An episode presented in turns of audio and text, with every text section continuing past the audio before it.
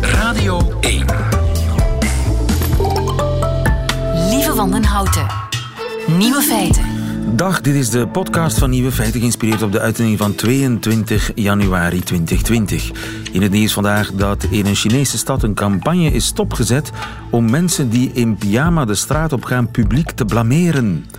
Ambtenaren hadden op de officiële sociale media-accounts van de stad foto's gepubliceerd van zeven mensen in nachtkledij. De foto's kwamen van bewakingscamera's met gezichtsherkenning en werden gelabeld als onbeschaafd gedrag. Naast de pyjama-foto werd ook de volledige naam van de persoon, de identiteitskaart, een close-up van het gezicht en informatie over de plaats Dilect gepubliceerd. Eerst voerde het stadsbestuur nog aan dat het initiatief kaderde in een nationale competitie voor geciviliseerde steden en dat het officieel verboden is om een pyjama te dragen in het uh, openbaar. Maar na een tsunami van negatieve commentaar op sociale media werd de campagne offline gehaald en bood het stadsbestuur officieel zijn excuses aan.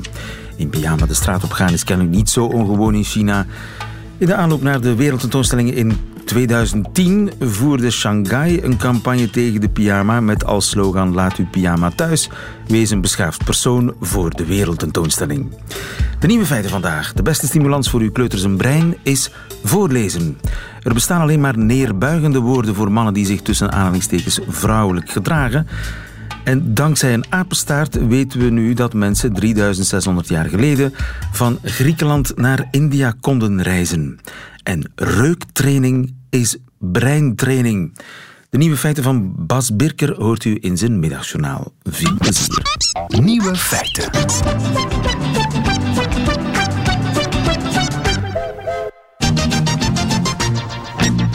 Wilt u uw kleuter van vier zijn hersenen stimuleren?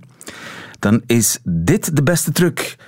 Lees hem voor uit een boek. Katelijn Nijsmans, goedemiddag. Goedemiddag. Je bent neuropsychologe aan de PXL Hogeschool en zaakvoerder van de Tipping Point. Dat is een bedrijf dat zich bezighoudt met breintraining. Breintraining, we, we baseren ons uh, op, uh, op de neurowetenschap, niet, niet per se breintrainingen aan zich. In uh, Cincinnati in de Verenigde Staten zijn hersenscans bestudeerd van kinderen tot vijf jaar. En daar is iets merkwaardigs op te zien. Wat is daarop te zien? Wel, je, je zou kunnen zien uh, op die hersenscans dat, uh, dat kinderen die langer naar schermen turen, dat hun uh, verbindingen, hun witte stof, dat die minder sterk is dan kinderen die voorgelezen krijgen. En dat gaat om kinderen jonger dan vijf?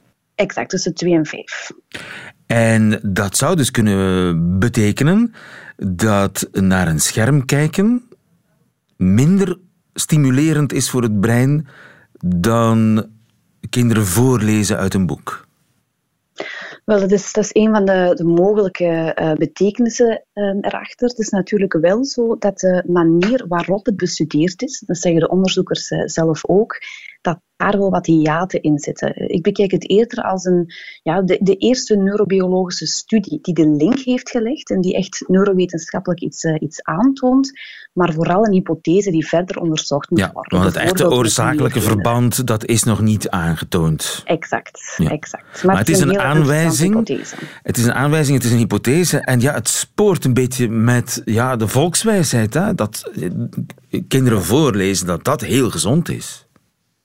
Klopt, dat het spoort inderdaad met die volkswijsheid. Alleen is de vraag van, ja, aan wat ligt dat? Want het, uh, het zou even goed kunnen liggen uh, aan het feit dat er bij voorlezen dat er menselijke interactie is. En heel vaak als we onze kinderen voorlezen, ja, gebeurt dat niet aan de andere kant van de kamer. Hè. We gaan dicht bij onze kinderen zitten, er is fysiek contact, we gaan met hen daarin in, in interactie gaan. Terwijl vaak, niet altijd, maar vaak bij schermen, dat die interactie afwezig is. Dus de vraag is van ja, die causaliteit, ja, waar kunnen we dat gaan, gaan Ja. pinpointen? Li- Ligt het aan de interactie tussen jou en je kleuter of ligt het aan het talencentrum dat gestimuleerd wordt door al die nieuwe woorden waarmee dat kind geconfronteerd wordt? Exact. Dat zou En kunnen. bovendien heb je, je hebt ook heel veel, eh, heel veel zaken op schermen die een, eh, een ongelooflijke educatieve waarde hebben. Ehm, programma's die kinderen gaan stimuleren om net beter taal te gaan leren of meerdere talen te gaan leren. Ja. Dus ook daar moeten we naar kijken van ja, welke schermen bedoelen we dan? Hè? Ja, Is het gewoon, zijn het gewoon tekenfilmpjes waar je als, als kleuter naar zit te staren? Of zijn het van die educatieve filmpjes? Dat moet nog allemaal verder uitgezocht worden. Maar het zou best kunnen dat, uh, dat voorlezen heel goed is uh, voor een kind. M mensen zijn daar nogal, ja, hebben geneigd, zijn geneigd om wat, wat te wachten tot een kind wat meer ja. taal heeft om, om dan voor te lezen. Maar dat, zou je dat uh, dan aanraden om dat toch maar te doen op jongere leeftijd? Ja, wel, ik zou, ik zou aanraden om uh, zo snel mogelijk te beginnen met voorlezen. Hè. Dat, kan absoluut uh, geen schade aanrichten. Bovendien, uh, in, de, in, de, vroege kinderjaren ge gebeurt er eigenlijk heel wat uh, spectaculairs in ons brein. Ons brein is dan volop nieuwe neuronen aan het aanmaken, nieuwe verbindingen aan het leggen. En in die vroege ehm, kinderjaren is de ontwikkeling van taal is iets dat, ja, dat cruciaal is. Dat betekent natuurlijk niet dat je moet gaan, gaan voorlezen, Dostoevsky. Het gaat meer over het, het, horen van taal. Het gaat over in interactie gaan met de ouder, weten wat een boek is, hè, weten wat taal is. Die zaken zijn, zijn ja. heel belangrijk. Je moet geen uh, Oostakkerse gedichten gaan voorlezen. nee. Maar het hoeft ook niet dat een kind dat allemaal woord voor woord begrijpt. Dat is ook niet helemaal nodig. Nee, zeker niet in, uh, in die fase. Vooral gestimuleerd wordt. Om, omdat ja. er zoveel neuronen zijn um, in, in die fase, heel veel van die neuronen die gaan verdwijnen. Dus de zaken, de, de neuronen die gestimuleerd worden, die blijven bestaan en die vormen verbindingen. Aha, en, en als je ze de, kwijt bent, ben je ze kwijt voor het leven? Niet voor het leven. Ons brein is plastisch, dat is neuroplasticiteit. We, we kunnen, kunnen heel lang uh, blijven leren. Um, maar ik, ik, heb vrienden wiens zonen nu beter tennis spelen dan, uh, dan zijzelf. Uh, omdat zij niet op jonge leeftijd zijn, uh, zijn begonnen en hun kinderen wel. Dus je hebt wel een, een, achterstand. Ja, en een achterstand die niet altijd even makkelijk in te halen is. Klopt. Mensen weten wat hen te doen staat. Dankjewel, Katelijn Nijsmans. Goedemiddag. Dankjewel, dag. Radio 1. Nieuwe feiten. Gisteren, het moet gezegd, kwam ik in de problemen. En dat kwam door het nieuwe feit van gisteren. Het nieuwe feit dat de directrice vaker te maken krijgt met seksuele intimidatie dan de secretaresse. Als een vrouw opklimt in de hiërarchie, krijgt ze vaker te maken met ongewenste seksuele opmerkingen. Dat verhaal zijn we aan het vertellen en dan krijg ik plots een taalprobleem. Laten we even terugspoelen. Het blijkt ook uit ander onderzoek dat uh, vrouwen van kleur bijvoorbeeld er nog meer last van hebben. Maar ook mannen van kleur en mannen die zich vrouwelijk, tussen aanhalingstekens, gedragen. Ah. Ja. Dus ja. Het, mannen met een slap handje, als ik, maar zal, uh, als ik dat zo mag zeggen. Die, ja, ik weet niet wat men bedoelt met zich vrouwelijk gedragen. Ja, ik zie dan mannen met een slap handje. We weten allemaal, die, man, die mannen bestaan. Hè? En die hebben ook recht op een plaats onder de zon. Absoluut. Maar er zat kennelijk een gat in mijn taal. Want ik had geen neutraal woord voor mannen die zich tussen aanhalingstekens vrouwelijk gedragen. Dat was de term die de wetenschapster in de mond nam. Maar hoe noem je die? Jeroen Borgs, goedemiddag. Goedemiddag. Jeroen Borgs van Savaria. Ik heb intussen nog zitten nadenken, maar ik heb geen woord gevonden. Fem, hoor je wel eens zeggen? Fem, is dat een woord? Goh, ik uh, denk niet dat dat een perfect woord is om dat te beschrijven. Um, is er een woord? Het, het, zegt, het zegt veel natuurlijk, hè, dat er geen woord is. De er is geen woord, geen woord. Eigenlijk, degene waar ik aan denk, zijn allemaal ja, woorden met een negatieve bijklank. Je kent ze als scheldwoorden. Jeannette bijvoorbeeld. Um, hetzelfde geldt trouwens voor vrouwen. Hè. Vrouwen die zich ja, niet traditioneel vrouwelijk gedragen. Manwijf. Een manwijf. Een ja. manwijf is ook geen neutraal woord natuurlijk. Dat zijn, dat zijn beledigingen. Een ja, verwijfde vent. Ja, en toch blijkt dat, is, uh... dat we die woorden misschien wel kunnen gebruiken als we het hebben over ja, mannen die zich tussen aanhalingstekens vrouwelijk gedragen en opklimmen in de hiërarchie krijgen vaker te maken met seksuele intimidatie. Hebben we zo'n woord nodig? Ik denk dat we ons niet moeten focussen op het woord of, of er een woord voor zoeken. Ik denk dat de problematiek die beschreven wordt, hetgeen is waar we moeten focussen en het feit dat onze maatschappij inderdaad nog op die manier omgaat met mensen die buiten de lijntjes kleuren van, van wat, wat genderstereotyp gedrag is. En je merkt dat die, uh, die, die, die ingebakken manier van kijken naar, naar wat een man en wat een vrouw hoort te zijn, dat dat er onbewust toch nog heel erg in zit. Hè? Die manier van beschrijven van een man die, die misschien vrouwelijke trekken vertoont, is uiteraard volledig onschuldig bedoeld. Maar eigenlijk zijn we toch weer mensen in categorieën aan het steken, terwijl het op fond gaat over menselijk gedrag. Mensen, variatie binnen mensen. En of dat dan nu typisch mannelijke of typisch vrouwelijke kenmerken zijn, eigenlijk zou dat er gewoon niet toe moeten doen. Ja, dat is, dat is uiteraard zo. Maar als het er uh, om gaat om het aan te tonen dat het er wel toe doet en dat het negatieve gevolgen heeft, dan moet je er misschien wel. Zou het helpen om, mochten we een, een term vinden die positief is? Zou dat helpen? Dat denk ik dat inderdaad wel zou kunnen helpen. Dat je dat je inderdaad in plaats van het eh, als deviant gaat zien, want zo komt het dan toch een beetje over, dat je het gaat zien als mensen die, ja, mensen die zich bevrijden van die genderstereotypen of zoiets. Dat zou een, eh, een krachtig woord kunnen zijn. Hoe zit dat eigenlijk in het buitenland? Hebben ze, hebben ze in het Engels niet zo, wat zeggen ze, effeminate? Effeminate is niet zo negatief, is redelijk neutraal toch, hè? Goh, ik ben geen taalkundige, dus uh, ik kan het niet uh, evalueren in andere talen allemaal. Maar uh, er zijn natuurlijk wel woorden. Hè. Um, ook bepaalde termen die een zeer negatieve bijklank hadden, origineel, die gereclaimed worden, zeggen ze dan in het Engels. Hè, die, die terug opgeëist worden eigenlijk door een, door een minderheid of door een groep die, ja, die het soms zwaar te verduren krijgt en als een soort geuzennaam ja, gebruikt wordt. Dat kan um, natuurlijk ook. Dat kan inderdaad ook, maar dat zijn meestal processen die ook heel lang duren en die vanuit de, ja, de, de gemeenschappen zelf komen. Hè. Dus die niet echt van bovenop worden opgelegd. Queer is zo'n heel mooi woord. Hè. Dat werd vroeger in het Engels echt als een scheldwoord gezien. En dat is nu zelfs in, in de wetenschappelijke literatuur uh, en dergelijke opgenomen. Je hebt, kan queer studies studeren. En mensen die queer zijn, die meer de, de gendernormen uitdagen en dergelijke. Dat is een, een, heel positief woord geworden nu. Maar zoiets vraagt tijd. Dat kan je niet van de ene moment op de andere invoeren. Ja, het heeft ook geen zin om zo'n term te gaan uitvinden en dan proberen te lanceren. Nee, nee, dat, uh, dat werkt zo niet in dat de taal, zal, denk dat ik. zal vanzelf boven water moeten komen. Maar in ieder geval, het is een ferme conclusie dat uh, louter het feit dat we geen neutraal dat we alleen maar scheldwoorden hebben voor dat gedrag, dat zegt iets over ons. Zelfs ja, in 2020. Inderdaad. Dankjewel. Dat is een spiegel. Van uh, Savaria. Jeroen Borgs, goedemiddag.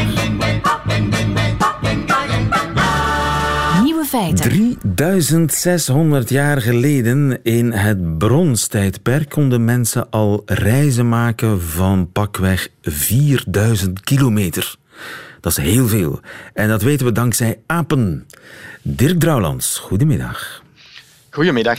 Een beetje onze huisbioloog. Het zijn uh, tekeningen van apen op het Griekse eiland Santorini, die uiteindelijk, na heel lang zoeken, hun geheimen hebben prijsgegeven. Welke tekeningen zijn dat? Maar het gaat over fresco's uh, op, in een stadje dat vroeger Akrotiri heette, een havenstadje, uh, op het fameuze eiland Santorini in de Egeïsche Zee tussen Griekenland en Turkije. En het uh, mooie, voor ons dan toch, aan dat stadje is dat het ongeveer 1600 jaar voor Christus onder een vulkaanuitbarsting bedolven is. Dus een soort Pompeii, maar dan een paar duizend jaar vroeger. En uh, waarschijnlijk waren die fresco's en die gebouwen nog maar relatief recent uh, um, klaargemaakt dan, want die zijn zeer goed bewaard gebleven en daar zijn heel veel details op te zien. En op basis van een onderzoek van die fresco's, en dat heeft de jaren 50 in beslag genomen, want ze hebben die nog niet zo heel lang geleden gevonden, in 1960, heeft men nu uh, apen kunnen determineren tot op de soort die Aha. op die muurschilderingen zijn afgebeeld. Want dat zijn, die, die tekeningen zijn zo gedetailleerd dat je de soort kunt determineren. Dat je kunt zien welke soort aap het is. Ja, en, en, en, en dat is het, nu het verrassende aan heel het verhaal, omdat uh, ja, wetenschappers uh, zijn, net als alle mensen, uh, personen die nogal vastzitten in wat dat ze al kennen, hè, de, de, de klassieke routine van het dagdagelijks leven en in hun geval ook van wat dat ze menen, hoe dat zo'n beschaving in elkaar zit. En die zijn er bijna automatisch van uitgegaan dat die aapjes die ze op die tekeningen zagen, op die schilderi schilderingen zagen, dat dat groene meerkatten waren. En groene meerkat is een relatief kleine apensoort die ook in Afrika voorkomt en aangezien er toen al wat contact was met de Egyptische beschaving, waar men hè, dus die apen ongetwijfeld moet gezien hebben, ging men er bijna automatisch van uit dat die aapjes groene meerkatten waren. Ja, dat paste in het concept dat al bestond over die dat tijd. Past. Voilà, dat past in het concept. Hè. Handel, acrotiri, een beetje de zee oversteken. Komt men in Egypte aan. Hè. Daar, daar, daar hadden ze zelf ook al schilderingen. Hè. Dus die apen sloten mooi aan bij dat verhaal. Tot men uh, is het gezond verstand heeft gehad van uh, apenkenners bij dat onderzoek te halen. En het is wat mij betreft een grote verrassing dat dat, uh, dat, dat resultaat van de werk is niet gepresenteerd in de Journal of Archaeological Science of die top ja? archeologische vakbladen, maar in het, een van de beste apenvakbladen in de wereld, Primates. En ze hebben daar dus een, een amalgaamke bij elkaar gehaald van primatologen, dus apenonderzoekers, archeologen, kunstkenners. Ze hebben zelfs de bekendste apentekenaar ter wereld ingehuurd om, om heel mooi hè, die tekeningen te vertalen naar wat er vandaag van apen leeft. En nu is, zo is men dan tot de bijna onweerlegbare conclusie gekomen dat dat geen groene meerkatten waren, maar wel hoelmans. En hoelmans zijn de fameuze tempelapen uit, uh, uit de Indusvallei, dus uit wat dat nu uh, Indië en Nepal is en zo. India. Dus ineens... Uh, ja, ineens shift het, shift het verhaal van, van de handel van, van uh, Akrotiri en Santorini shift dat helemaal weg van Egypte naar 3.000 à 4.000 kilometer verderop ja. uh, in, uh, in het huidige Indië. En je zegt onweerlegbaar. Hoe kan dat zo onweerlegbaar? Het zijn toch maar tekeningen? Ja, maar er zijn dus, uh, er zijn dus uh, bepaalde kenmerken die een groot onderscheid geven tussen de groene meerkat en de hoelmans. De hoelmans zijn bijvoorbeeld drie keer groter dan, dan de groene meerkatten, maar dat zie je natuurlijk niet omdat je die proporties niet goed kunt inschatten. Maar wat hoelmans wel hebben en groene meerkatten niet is, de hoelman draagt zijn staart recht omhoog, lange staart recht omhoog, met helemaal op het einde dan een klein krom, krommetje van de punt, terwijl de groene meerkatten hun staarten altijd omlaag draaien. De staart dragen. heeft hen dus, verraden staart heeft het gedaan. Ja. En uh, het is wel opvallend als je, de, als je de beelden ziet, als je de beelden van de fresco's vergelijkt met de schetsen hè, die bestaan van die huidige apen. En het uh, grappige aan dat, uh, dat staartverhaal is ook dat men daardoor ervan uitgaat dat die mensen die dat getekend hebben in, in die tijd, die apen levend moeten gezien hebben. Hè, dus het kan niet zijn op basis van verhalen dat ze verteld hebben, maar dat die echt hun, die, die dieren in de natuurlijke omstandigheden moeten bezig gezien hebben. Dus men gaat er dus effectief van uit dat die schilderingen gemaakt zijn door reizigers die 3.000 à 4.000 kilometer enkele richting hebben afgelegd tussen Santorini, het eiland, en ergens de, de vallei van de Indus, in wat dan nu Noord-Indië is. Ja, hoe hebben ze dat gedaan? Weten we dat intussen al? Want we nee. spreken wel over 3600 jaar geleden, 1600 voor Christus. Ja, ik denk, ik denk dat is een klassiek ja, ongetwijfeld is dat te voet geweest, hè, want toen waren er nog maar, als er al transportmiddelen waren, waren die uitermate primitief. Dus die mensen zullen hun tijd genomen hebben om dat, uh, om dat te doen. Daar was men trouwens al achter dat, uh, dat het, uh, de tekeningen gebaseerd moesten zijn op levende apen, hè, dus die men echt in natuurlijke omstandigheden hadden gezien. Alleen waren de, de, de wetenschappers die daar achter gekomen waren zo vastgeroest in dat Egyptische verhaal, dat die er zelfs niet aan gedacht hebben hè, dat dat dus die Hoelmans zouden kunnen zijn. Ook in functie natuurlijk hè, van de de, de, de, ja, de, de, mogelijkheden om zo ver te reizen, dat die in die tijd toch al wel. Uh, um, dat, men, dat men onderschatte hoe ver dat mensen al wel konden gaan in hun zwerfgedrag. Ja, zo zie je maar. Hè. Je kunt vastgeroest zitten, ook al ben je een topwetenschapper. Maar dan kan het helpen om wetenschappers van een andere discipline erbij te halen. En dan kom je plotseling tot een oplossing. Dirk Drouwlands, prachtig verhaal. Dankjewel. Goedemiddag. Radio 1. Nieuwe feiten. Ik heb een vraag gekregen van Andrea uit Lokeren, een uh, fervent luisteraar van uh, Nieuwe Feiten. Andrea schrijft, ik heb lang geleden mijn moeder verloren aan Alzheimer. Ik heb haar echt zien wegkwijnen en wil er alles aan doen om niet dezelfde weg op te moeten gaan.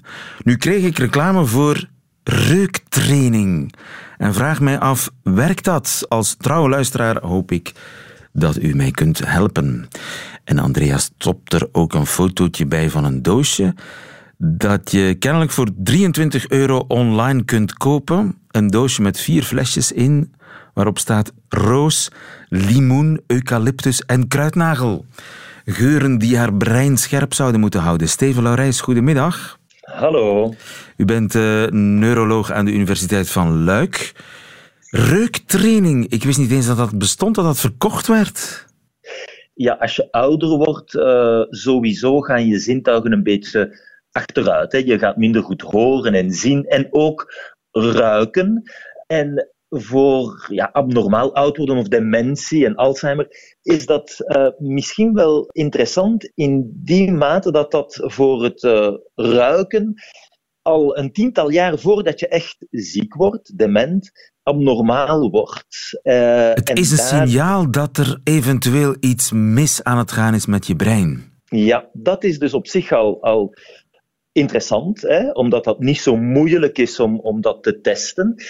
En dan zijn er pistes, maar het is echt nog vroeg hoor, waar onderzoekers, er is een, een studie in Duitsland, die is gaan kijken, wel, kunnen we dat dan omkeren? En als je misschien die reukzin opnieuw gaat beter uh, trainen, uh, ga je misschien ook die intellectuele functies, hè, of dat aftakelingsproces zoals bij dementie, afremmen. En, en ja, het is uh, één studie, dus echt nog moet worden bevestigd. Maar inderdaad, een groep mensen die dan uh, ja, hun neus gaan uh, trainen, zien we niet alleen verbeteren op die specifieke test natuurlijk, maar ook naar hun, hun verbale capaciteiten en, en mogelijk geheugen. Dus daar gebeurt wel onderzoek naar, ja. Ah ja, en dat onderzoek lijkt erop te wijzen dat als je, laten we zeggen, de geur van jasmijn kunt onderscheiden uh, van die van Marjolein of van lavendel,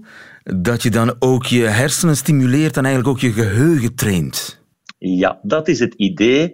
Opnieuw, ik denk dat het nog veel te vroeg is om, om dit hier te gaan verkopen hè, als een uh, behandeling. Maar sowieso, en dat is ook een beetje de vraag van, van de luisteraar, wat kan ik doen? Uh, het is natuurlijk een, een uh, hele erge ziekte. We kunnen ons niet immuniseren tegen Alzheimer, maar we hebben elk van ons wel misschien een zekere rol te spelen. En dat is geen rocket science, hè. dat is ja. gewoon uh, proberen gezonder te gaan leven. En daar is ook wel een interessante hypothese. Dus de vraag is wel, wat zou dan de link zijn hè, tussen je reukzin en je breinwerking? Je reukzin is wel speciaal. Hè. We zijn een geëvolueerd zoogdier onze uh, wereld is vooral visueel, uh, anders dan onze huisdieren, kat en hond. Hè, die hebben een meer olfactieve wereld. Maar we zien wel het belang, hè, soms ook op onbewust niveau, hoe een geurtje ons terug kan projecteren in een bepaalde herinnering. Dat wordt dan ook weer economisch uitgebuit. Hè. Als je in een duur hotel bent of een, een winkel, gaan we met geurtjes proberen van ons uh, in een bepaalde moed te brengen. Dus daar is zeker een link tussen wat we ruiken en wat we denken. Ook omdat het uh, in tegenstelling tot andere zintuigen, wat je hoort en ziet en voelt, dat gaat langs een specifieke kern. Hè. Dat maakt daar een, een, een, uh, een bruggetje. En voor onze reukzin gaat dat dus direct het brein in. Hè. Dat Aha. maakt dus een, een speciaal zintuig. Ja. Oké. Okay. Dus conclusie, zo een reuktraining die je kunt kopen voor 23 euro, kwakzalverij of niet? Goh, ik denk dat het goed is dat, uh, dat we actief blijven. Hè? En is dat hier die reuktraining of andere activiteiten, maar dat is dan heel uiteenlopend gaan. Uh, puzzels uh, of op iPads heb je ook een reeks spelletjes of oefeningen die je kan aankopen, die je kan doen. Maar daarnaast is het ook goed om uh, wel, natuurlijk naar, naar de radio te luisteren en programma's als die van jou, hè, uh, om uit je huis te komen ook. En sociale contacten, die zijn ook belangrijk om gezond oud te worden. Uh, en dan gaan sporten, je slaapt, wat je eet. Dus dat is nu toch aangetoond dat je daar een impact hebt. Hè? Ja. Het is niet allemaal in je genen geschreven. Hoe die tot expressie komen, dat kan je echt zelf beïnvloeden. En een gezond leven, naast die reukoefeningen, dat is wel aan te raden. Ja. En uh, het gaat je niet immuniseren, maar het kan wel uh, dat proces zeker vertragen en dus doen. Geen wonderen van verwachten, maar uh, onzin is het ook niet. Dankjewel, Steven Laurijs. Goedemiddag. Dankjewel.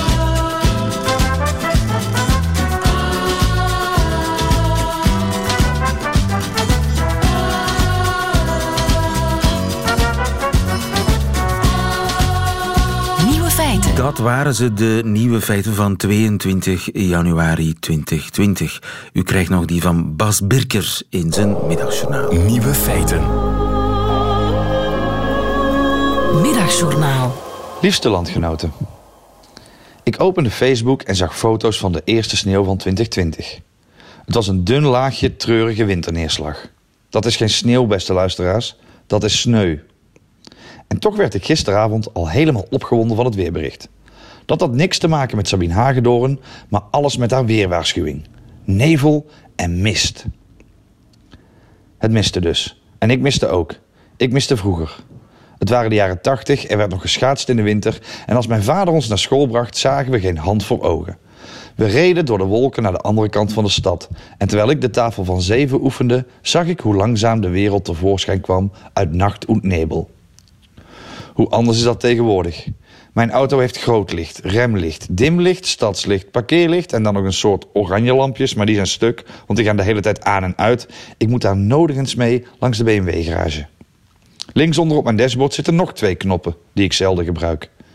De een is het mistlicht achter, de ander is het mistlicht voor. Ik rijd 45.000 km per jaar, maar heb nog altijd geen idee welke voor wat is. Ik neem aan dat het lichtje dat dezelfde kant op wijst als mijn dimlicht het mistlicht voor is. Voor de zekerheid zet ik altijd alles op. Ik heb pas een jaar geleden ontdekt dat je je mistlicht achter ook aan moet zetten bij hevige regenval. Ik heb mijn rijbewijs gehaald bij onze noordenburen en daar is dat juist strikt verboden omdat het anderen verblindt. Hier is blijkbaar de met kuilen bezaaide highway of aquaplaning nog niet moeilijk genoeg en voegt de wetgever er nog een handicap aan toe. Probeer nu eens in een stortbui thuis te geraken terwijl je zicht één groot rood licht is. Of een miljard kleintjes. Ik mis de mist. En volgens de wetenschap is dat terecht. Mist is water dat zich hecht aan vuildeeltjes. De lucht is nu veel schoner dan in 1980 en daarom mist het maar half zo vaak. Vreemde bijkomstigheid. Mist vormt zich bij kou, maar het isoleert ook en dus houdt het de warmte buiten. Op die manier is vuile lucht dus goed tegen de opwarming van de aarde. Ideetje voor het klimaat. Laten we niet alleen minder CO2 uitstoten, maar ook de lucht terug volblazen met roet en fijnstof. Koop jezelf een oude diesel, ze kosten niks meer, en verwijder het roetfilter. Oké, je komt geen grootstad meer in, maar in ruil zien we wel weer ochtends de wereld uit de wolken komen. Daar kan geen sneu tegenop.